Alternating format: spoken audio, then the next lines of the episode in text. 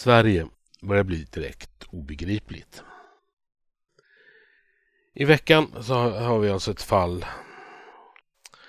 där ett antal personer, några är imamer, andra är andra religiösa profiler och ledare i ett antal muslimska församlingar runt om i Sverige anses utgöra ett hot mot rikets säkerhet och den allmänna ordningen. Och detta är någonting som Säpo, Migrationsöverdomstolen och regeringen kommer fram till. Man kommer då även fram till att de här personerna ska utvisas. Okej, okay, så långt så finns då en logisk tankekedja. Sen inträffar det att det finns ett verkställighetshinder. Man får inte utvisa människor till länder där de riskerar tortyr eller dödsstraff. Och det är väl en princip som, som är rimlig. Men vad som då händer är alltså att man, att man försätter de här människorna på fri fot. Om jag förstått det hela rätt så, så finns det tydligen möjlighet att, att eh, hålla dem internerade ett år. Eh, men det har man alltså inte gjort utan då har man försatt dem på fri fot igen. Eh, och vad det här landar i är alltså att vi har en situation där man säger att en viss grupp människor är farliga. Farliga för samhället, farliga för andra. Och så försätter man dem på fri fot. Alltså det, det, finns, det finns ju inget rimligt i det här. All logik bryter samman på något sätt. Eh, och Det finns många eh, faktorer att ta hänsyn till i den här diskussionen. För det första har vi då frågan om rikets säkerhet och den allmänna ordningen. Eh, och eh, det är ju statens främsta uppgift, vill jag nog påstå, att eh, upprätthålla allmän ordning. Att att skydda medborgarna mot andra som vill skada dem. Eh, och eh, det har man ju då gjort naturligtvis. Eh, och eh, frågan är exakt vad de har gjort men det får vi inte veta. Därför det är hemligt.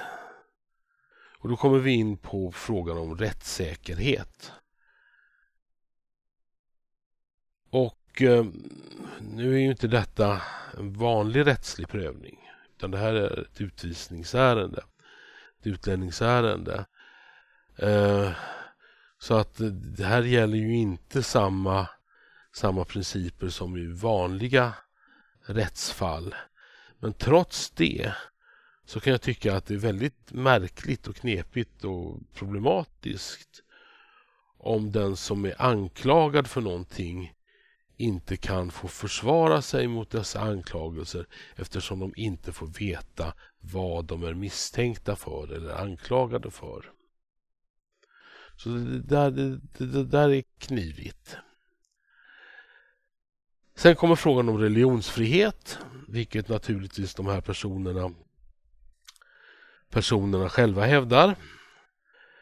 Eh, och där eh, kan man väl helt enkelt säga att gränsen för religionsfriheten den går där brottsbalken börjar.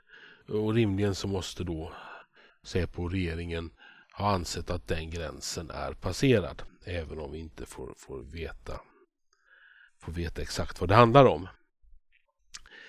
Ehm, så där finns, alltså det, finns, det finns viktiga och stora principer som, som, som spelar in i det här fallet. Men framför allt Framförallt så är det här extremt politiskt känsligt. Det är politiskt känsligt därför att politiker i allmänhet och regeringspartierna i synnerhet de eh, ser eh, eh, invandrare med muslimsk bakgrund som en viktig väljargrupp som man vill hålla sig väl med. Och skälet till att vi har problem det är att det har uppstått någon form av kritisk massa. Där människor med en viss religiös tillhörighet har blivit så pass många i vårt land att man börjar se radikala grupperingar utkristalliseras. Och detta är ju då en konsekvens av den politik som har förts när man har släppt in de här människorna i landet. Så, så de åtgärder som, som regeringen vidtar när man, när man vill utvisa de här människorna det är alltså åtgärder mot konsekvenser av en politik som regeringen själv har fört. Vilket gör det hela väldigt eh, komplicerat. Och till råga på allt så, så är ju regeringspartierna eh, framstående företrädare för det identitetspolitiska komplexet. Eh, där man ja, i någon form av fortsättning på socialismen. Socialismen kräver ju alltid offer och socialismen kräver ju alltid kollektiva grupper som ska vara offer. Eh, det var så feminismen föddes eh, och det, det är detta hela identitetspolitiken har, har sprungit. Eh, och här finns då naturligtvis även religionen som en fråga.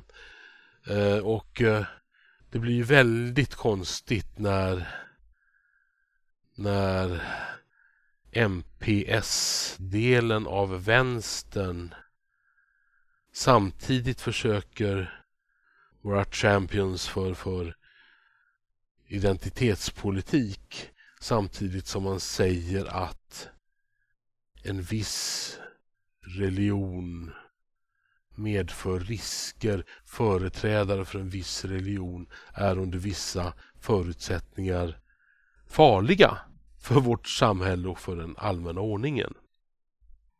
För i det här ska vi också komma ihåg att om en vanlig medborgare kritiserar islam och problematiserar den ja, då är ju risken att den personen kommer att råka illa ut och anklagas för till exempel hets mot folkgrupp eller allmänt fulas ut för att, att att bli kallad rasist oavsett hur, hur sakliga argument man än, man än har på fötterna. Och så plötsligen så befinner sig nu regeringen på sätt och vis i samma situation. Och nu, nu har vi då en situation att, att det som är olagligt eller olämpligt eller farligt eller dumt av en enskild människa att, att, att säga, att påstå om islam. Det kan framföras av vår rödgröna regering och dess säkerhetspolis och dess rättsväsende utan att vara hets mot folkgrupp. Alltså det finns ingen logik i det här. Logiken bryter samman vid den här punkten. Det, det går inte att... Eh, alltså maktutövningen lagarna, eh, samhälls, samhällets större funktionssätt blir inte längre förutsägbart när man eh, blandar bort korten på det här sättet. Och så slutar nog det hela på, på, på ett väldigt, väldigt svenskt sätt. Nämligen att de här människorna försätts på fri fot. Om än med daglig anmälningsplikt till, till polisen. Eh, men det hindrar ju inte att de, att de eh, eh, kan vara farliga för andra de övriga 23 timmarna och 45 minuterna per dygn när de inte eh, stämplar in i polishusets reception. Och då är det inte jag som säger att de här människorna är farliga utan detta har alltså regeringen sagt. Så man har man betraktar vissa människor som farliga man har slagit fast att de är farliga och sen så skickar man tillbaks dem ut i samhället där de kan fortsätta vara farliga. Alltså det finns ingen, det finns ingen logik längre. Det, det hela går inte längre att förstå. Som någon så, så fyndigt formulerade saken att, att eh, nu är Gävle-imamen utvisad till Gävle. Nej, jag blir bara, jag blir bara så trött på det här.